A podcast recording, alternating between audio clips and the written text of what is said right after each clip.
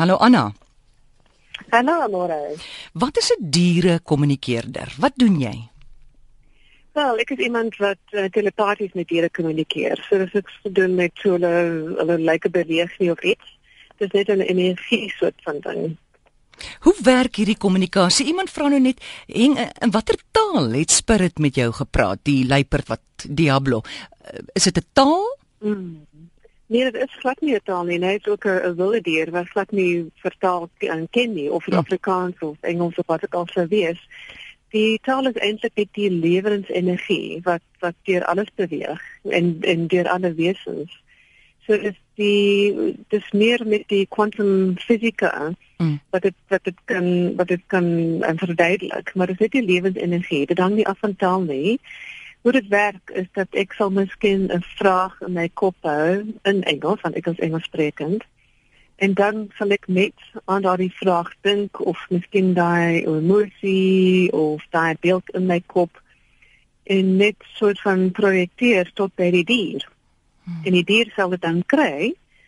Maar dit maak nie saak of die dier eers van taal ken nie of hy ooit tevore met 'n mens gepraat het nie. So is dit telepatie? Ja, presies. Presies. En dit werk baie goed tussen twee mense. En daar's baie eksperimente oor die wêreld al jare lank wat wat wat dit proef. Maar dit is nou ook ehm um, geproef tussen die diere en die mense ook. Veral met ons truffeldiere wat wat na aan ons woon. Anna, hoe het gebeur dat jy 'n diere-kommunikeerder geword het? Ek was ek was baie ander goed besig. Ek het in in die FSA, het ek in Silicon Valley gewerk met die uh, computers. Dit was heeltemal in die computerwêreld, heeltemal rasioneel en daardie soort ding. Maar spoorsny was iets was iets wat ek um, baie belang gestel. Spoorsny. En ek het besluit spoorsny, Ja, ja, ja. ja, om die, om die net soos die inheemse volk dit sou doen. Ja. En ek het ek het dan besluit om my spoorsny opleiding in die FSA te doen. Die ding is, ek was hier in Suid-Afrika um, groot geword. So ek het niks geweet nie van die van die FSA se diere nie. En dit maak nie saak hoe lekker daai daai spore in die ja, in, in die sand sal wees. Ek kon nie ek kon nie eers begin raai wat se dier daardie spoor gemaak het nie. Mm. Toe sê die mense vir my ek moet net my oë toemaak en my hand oor die spoor laat lê en voel wat ek voel of sien miskien wat wat beelde kom in my kop in. En toe het gebeur dit dat spesifieke beelde in my kop inkom van diere waarvan ek nooit tevore geken het nie. Iets soos van 'n am- amper 'n jakkals soort van gesig, maar bietjie dunner en meer grys as bruin en daardie soort goed. En ek dan dit vir die vir die instrukteur sê, hy het vir my gesê, "Ja, dis 'n coyote se spoor." Toe sê ek vir hom, "Nou, "Wat 'n coyote?" Ek Mm. nooit weer van 'n nooit nooit vir van 'n coyote gehoor nie. En daardie soort dinge het ek probeer meer en meer um, aan my gebeur. Ek sou miskien uit op 'n stapie wees en dan kry ek net ewe skielik uh, 'n beeld in my kop van 'n voël met uh, met sy linker um, sy, linkerbeen wat gebroken is.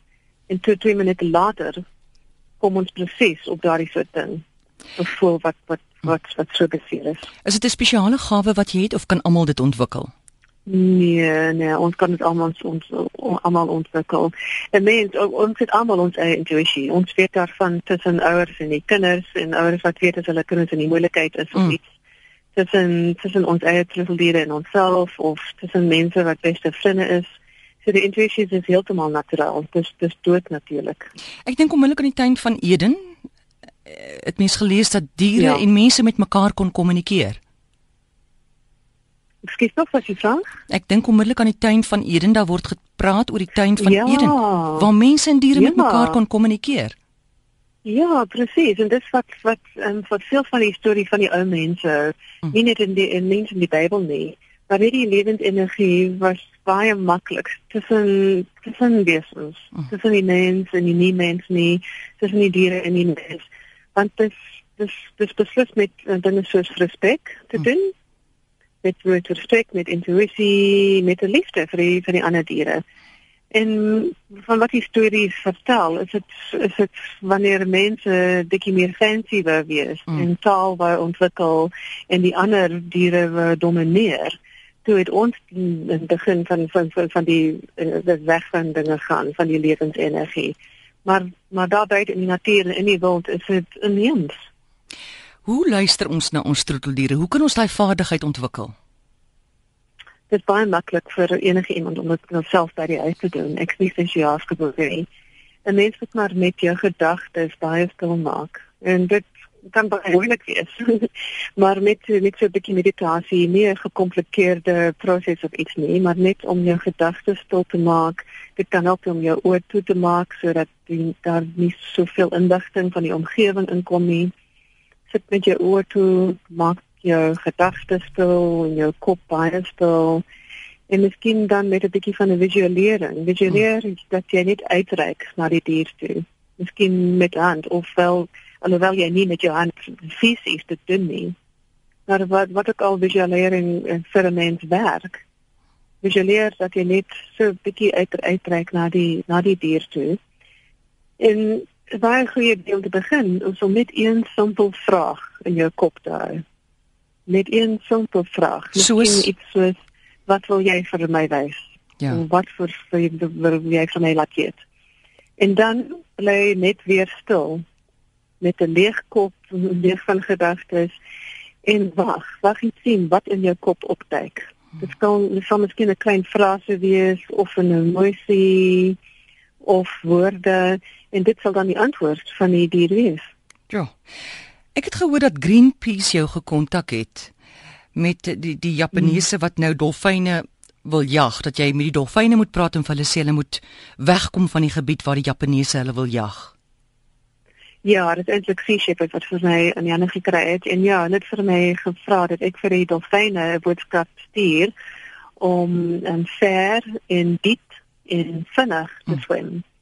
En toe die antwoord so, so te sê, die toe die antwoord van die, van die dolfyne afgekom dat hulle weet wel wat is vinnig, want dit is 'n relatiewe ding. Mm. Hulle weet wat ver bedoel maar hulle is nou nou nie so seker nie wat is diep nie. En hmm. hulle kan nie hulle kan nie meer ehm um, hulle kan nie meer figure out wat is diep nie.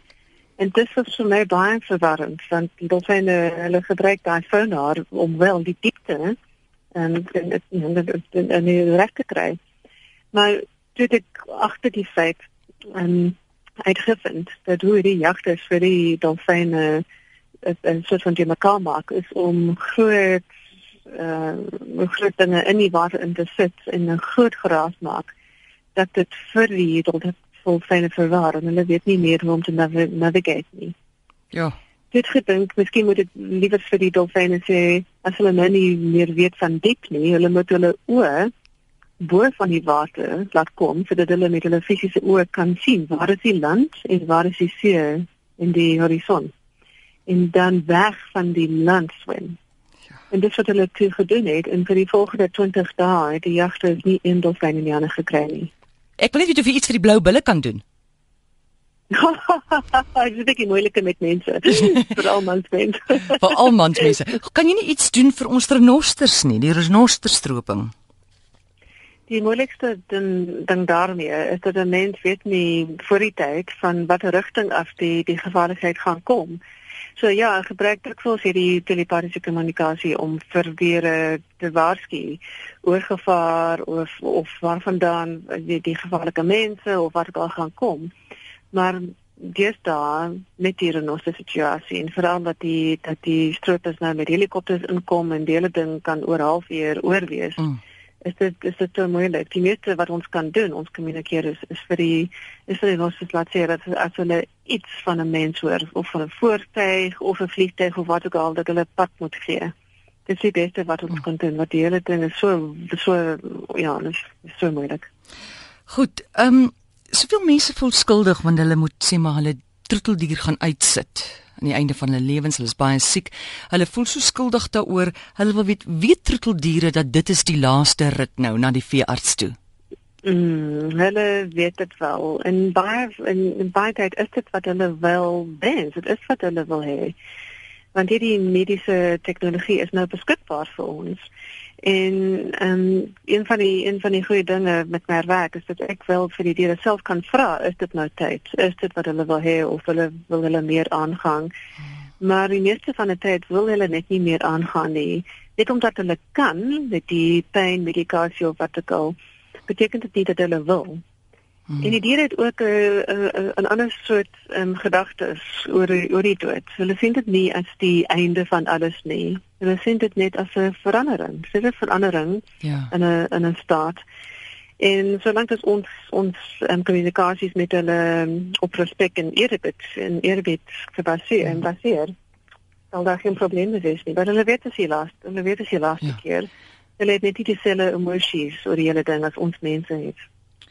Goed, so uh, mense vra ek sal die dier my vergewe, maar dit is nie 'n probleem vir die dier nie, né? Nee. Hy sien dit is. Dit is glad nie 'n ja. probleem nie. Dit is niks om te om om te vergeef. Hmm. So Anna, soos ek wat sê jy vir mense wat sê ag dit snert man, as ek hom snert hierdie? Ag ja, ek ek lag van hy want ek eerlik was ek een van daai mense Maar jy het dit met my met, um, met my begin gebeur het. Ek het nog so gedink. Ek sê alles sterk, miskien miskien moet ek vir 'n dokter gaan sien en hmm. en om uit te vind wat nou in my kop verkeerd gaan dat ek hierdie soort van beelde en gedagtes kry wat wat nie myne is nie. Ja, ek is wragtig baie baie ongestel deur hierdie ding. En dit het my so 3 of 4 jare geneem om hierdie en verder te studeer en alles wat goed en navorsing te doen om uiteindelik te kan en te kan aanvaar dat dit nou wragtig ja reg is. So ek probeer nie net met die mense veg nie. Ek sê maar net as ek as jy iets oor jou dier in 'n ander manier dat aan fisies glad weet, dan miskien is dit wat nou aangaan. Goed. So hierdie gaan oor stil word. Dit gaan oor respek mm. vir jou dier en vir 'n eenvoudige vraag vra en dan net wakker wees om te kyk hoe hy jou gaan antwoord. Presies. En, en as jy 'n vraag of 'n boodskap in jou kop het, mm. kan jy dit net projekteer. Ja. aan die aan die dier. En dit maar dit is baie dit is baie belangrik dat 'n mens nie begin dink wat hulle antwoorde sou wees. En ja. vir daai rede kan dit miskien die beste ding wees om met 'n ander persoon se dier mm. te begin oefen in plaas van jou eie waaroor jy al weet so so soveel ken. Anna, het jy 'n Facebookblad? Ja, dankie. Dit is 'n Animal Spirit, een woord, mm. Animal Spirit op Facebook. Ja. Of my webwerf is ook animalspirit.co.za. Goed, ek het hom as animalspirit.org gekry op die web dis dieselfde een dan dieselfde een ja. ja. Dis ook op ons webtuiste. Ja. jy kan gaan kyk by rc.co.za gehoor op lig en dan China tyd. Ons het ook vandag hier 'n nog 'n ander nuwe foto van Spirit gekry wat Dirk Bossel vir ons gestuur het net voordat hy vertrek het na Plettenberg Bay dis 'n ongelooflike foto hier hierdie en dit is die swart luiperd. Anna baie dankie en al die, alles van die beste vir jou vorentoe Baie dankie môre en dankie vir die diere ook. Dis 'n plesier. Is Anna Breitenberg en sy se dierekommunikeerder en ek het vanaand gehoor deur Port Elizabeth se dierewelsynsorganisasie.